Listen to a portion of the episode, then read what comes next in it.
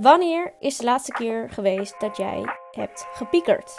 Of je druk hebt gemaakt om iets? Misschien ehm, een bepaalde keuze die je moest maken. Of eh, iets wat er is gebeurd waarvan je denkt: Oh my god, wat, wat moet ik hiermee doen? Hoe, hoe, hoe ga ik hiermee om? Ehm, ik weet niet precies wanneer het voor mij de laatste keer is geweest. Ik denk, uh, nou, het zou zomaar een paar dagen geleden kunnen zijn geweest. Al is het wel in vele mindere mate dan ik dat vroeger heb gedaan. Ik uh, ben nogal een piekeraar. Altijd al geweest. En uh, ja, ik ben gewoon iemand die heel veel nadenkt. Ik kan echt scenario's 10.000 keer opnieuw beleven in mijn hoofd. Soms 10.000 keer dezelfde, op dezelfde manier. En soms 10.000 keer anders. Omdat ik gewoon... Uh, ja, ik ben echt een denker. En uh, ik, ik heb wel af en toe mensen om me heen die totaal niet uh, zo zijn. En dan denk ik, oh, wat chill eigenlijk. En dan tegelijkertijd ga ik erover nadenken en dan denk ik, nee, dat lijkt me helemaal niet chill. Want ik ben altijd voorbereid op eigenlijk alles. En dat klinkt heel stom, nou, dat is misschien ook overdreven, maar omdat ik zoveel denk, zijn sommige situaties helemaal niet op, uh, opeens of zo omdat ik ze eigenlijk al een soort van zag aankomen. Omdat ik er al 10.000 keer over na heb gedacht. En um, ja, wat ik net al zei, vroeger heb ik dat dus uh, heel erg gehad. Ik uh, piekerde elke dag, denk ik. Over van alles en nog wat, maar natuurlijk vooral over de dingen waarvan ik nu denk: oh my god, kind, waar maak je je druk om? over school, over het leven, over de toekomst, over sociale contacten, vriendinnen, vrienden. Ik, ik weet het niet eens meer allemaal. Ik, uh, ja, omdat ik zo'n denker was, maakte ik dingen heel snel groter in mijn hoofd dan, uh, dan ik dan uiteindelijk nodig was. En ik was daar altijd wel uh, mee aan het struggelen, als in, ja, hoe ga je daarmee om? En ik vraag me heel erg af of jij je herkent in dus diegene die lijkt op mij. Dus dat je heel veel nadenkt en heel erg alle situaties in je hoofd door uh, of afspeelt eigenlijk? Of ben jij meer zo'n type die um, ja, eigenlijk er niet zo over nadenkt en uh, ook heel makkelijk dingen los kan laten bijvoorbeeld. Als je denkt van nou ja, weet je, er zijn nu dingen, spelen er in een vriendschap of er spelen dingen op werk. Wat gewoon niet zo lekker gaat of op school. Um, maar ja, ik kan er toch niks aan doen. Dus uh, dan laat ik het los. En ik ga nu lekker gewoon chillen, want nu heb ik weekend. Ik zeg maar wat. Ben jij iemand die dat snel los kan laten? Of zeg je van nou nee, dat is echt dat ik, ik, ik loop helemaal vast dan? Nou, ik ben dus eerder het tweede type. Maar ik lijk wel steeds meer op de eerste. Ik uh, probeer mezelf er wel in te trainen. En vandaag wil ik je drie vragen delen die mij heel erg hebben geholpen. En ik heb deze vragen echt jaren geleden ergens ooit gehoord in een podcast of een video of ik heb het ergens gelezen en ik weet dus niet eens meer waar ze vandaan komen. Mocht je ze herkennen en denken, hé, hey, dat is van dit en dit, laat het me even weten. Want dat zou ik super leuk vinden. Want dan kan ik diegene even credits geven natuurlijk. Ja, niet dat zoveel mensen dit luisteren, maar goed. You know what I mean. um, het is in ieder geval niet door mij bedacht. Maar het heeft mij wel heel veel geholpen. En um, ja, ik ga gewoon lekker to the point komen. De drie vragen die ik mezelf uh, stel, of die je jezelf kan stellen, als je je zorgen maakt of als je piekert. En dat is eigenlijk heel simpel. Het kunnen er drie vragen zijn, het kunnen er vier vragen of vijf vragen zijn. Een beetje afhankelijk van hoe groot het onderdeel in je, in je hoofd is. Het is namelijk zo dat ik mijn pieker dingen altijd heel groot maak. En dat ik echt, echt er helemaal op ga. Dat ik mezelf helemaal erin kan verliezen. En uh, dat ik nergens anders meer over kan nadenken. En dat ik er heel uh, ook uh, emotioneel in opga. En dan kan je jezelf de volgende vragen af, afvragen. Je kan jezelf de volgende vraag stellen. Nummer 1. Hoeveel impact maakt dit binnen nu en drie uur?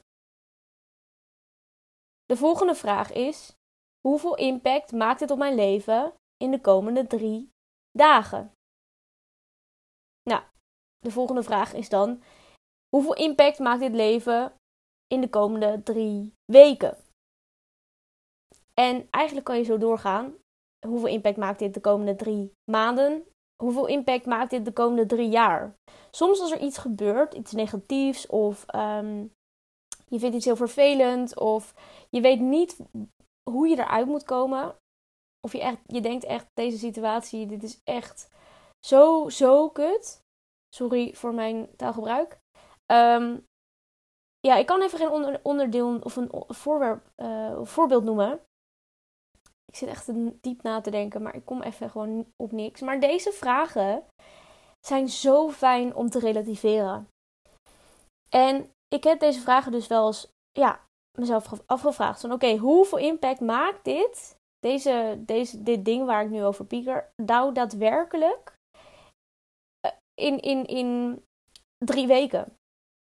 Meestal begin ik dus met drie, drie weken en dan drie maanden en dan drie jaar. Omdat dat lekker, ehm, lekker lang is, zeg maar. En eigenlijk vaak heb je bij de, eerste, bij de eerste vraag kan je al antwoord geven van ja, eigenlijk weet ik over drie weken al niet eens meer dat ik hier me druk om heb gemaakt. En dan is het al voorbij. En dan, ehm, ja, dan lach ik mezelf waarschijnlijk uit. Ehm, en, en soms is dat bij drie weken nog niet. Dat je zegt van nou oké, over drie weken is het wel nog steeds kut. Maar over drie weken ben ik er wel mee, mee om aan het gaan en mee aan dealen. En ehm, heb ik mezelf al misschien uh, nieuwe dingen geleerd om ermee om te gaan. En dan ga je naar, je naar de volgende vraag: hoeveel impact maakt dit over drie maanden? En dan denk je, nou, dan is het eigenlijk waarschijnlijk helemaal niet meer aan de orde. En uh, ja, dan, dan, ja, het is zo chill om te relativeren met deze vragen. Ik vond dit echt een eye-opener. En je zal misschien nu denken: Kim, ik snap er niks van. Ik vind het maar uh, raar. Uh, want waarom zou je zo erg in de toekomst dan gaan kijken hoeveel impact het maakt? Maar echt, het helpt je zo erg nadenken van oké, hoe belangrijk is dit nou echt? Hoe belangrijk is mijn aandacht op dit moment nu echt voor dit onderwerp? En uh, ja, ik, ik vond deze vragen gewoon echt goud waard. En ik stel, ze mezelf, ik stel mezelf nog steeds wel eens de vraag, als ik uh, in een situatie zit waarvan ik denk, oh my god. Dan denk ik, oké, voel ik hier over drie uur nog wat van? Soms is dat al niet eens meer het geval. Want dan is het al voorbij bijvoorbeeld. Uh, stel het is een, uh, een spannend iets waar ik eigenlijk helemaal geen zin in heb. Nou, dan is dat over drie, drie uur al, alweer voorbij. En dan is dat drie uur, over drie uur dat gevoel alweer voorbij. En dan denk ik, nou weet je, waar maak ik me dan ook nog druk om? Wat is die drie uur mij waard? En soms is het een iets groter iets, weet je. Uh, ja, ik zeg maar wat. Je gaat uit, het gaat uit, uit met je vriend of met je relatie, met je vriendin. Ja, dat is kut heel kut. Afhankelijk van de situatie natuurlijk. Maar um, ja, dan ga je nadenken: oké, hoe voel ik me over drie maanden? Nou, waarschijnlijk voel ik me dan al een stuk beter.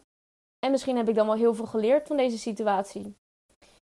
En hoe, hoe voel ik me over drie jaar? Nou ja, over drie jaar, ja, weet je, dat weet ik eigenlijk niet. Maar ik mag hopen dat ik niet over drie jaar nog steeds aan het huilen ben. En, en in zo'n situatie zit als dat ik nu zit over deze break-up.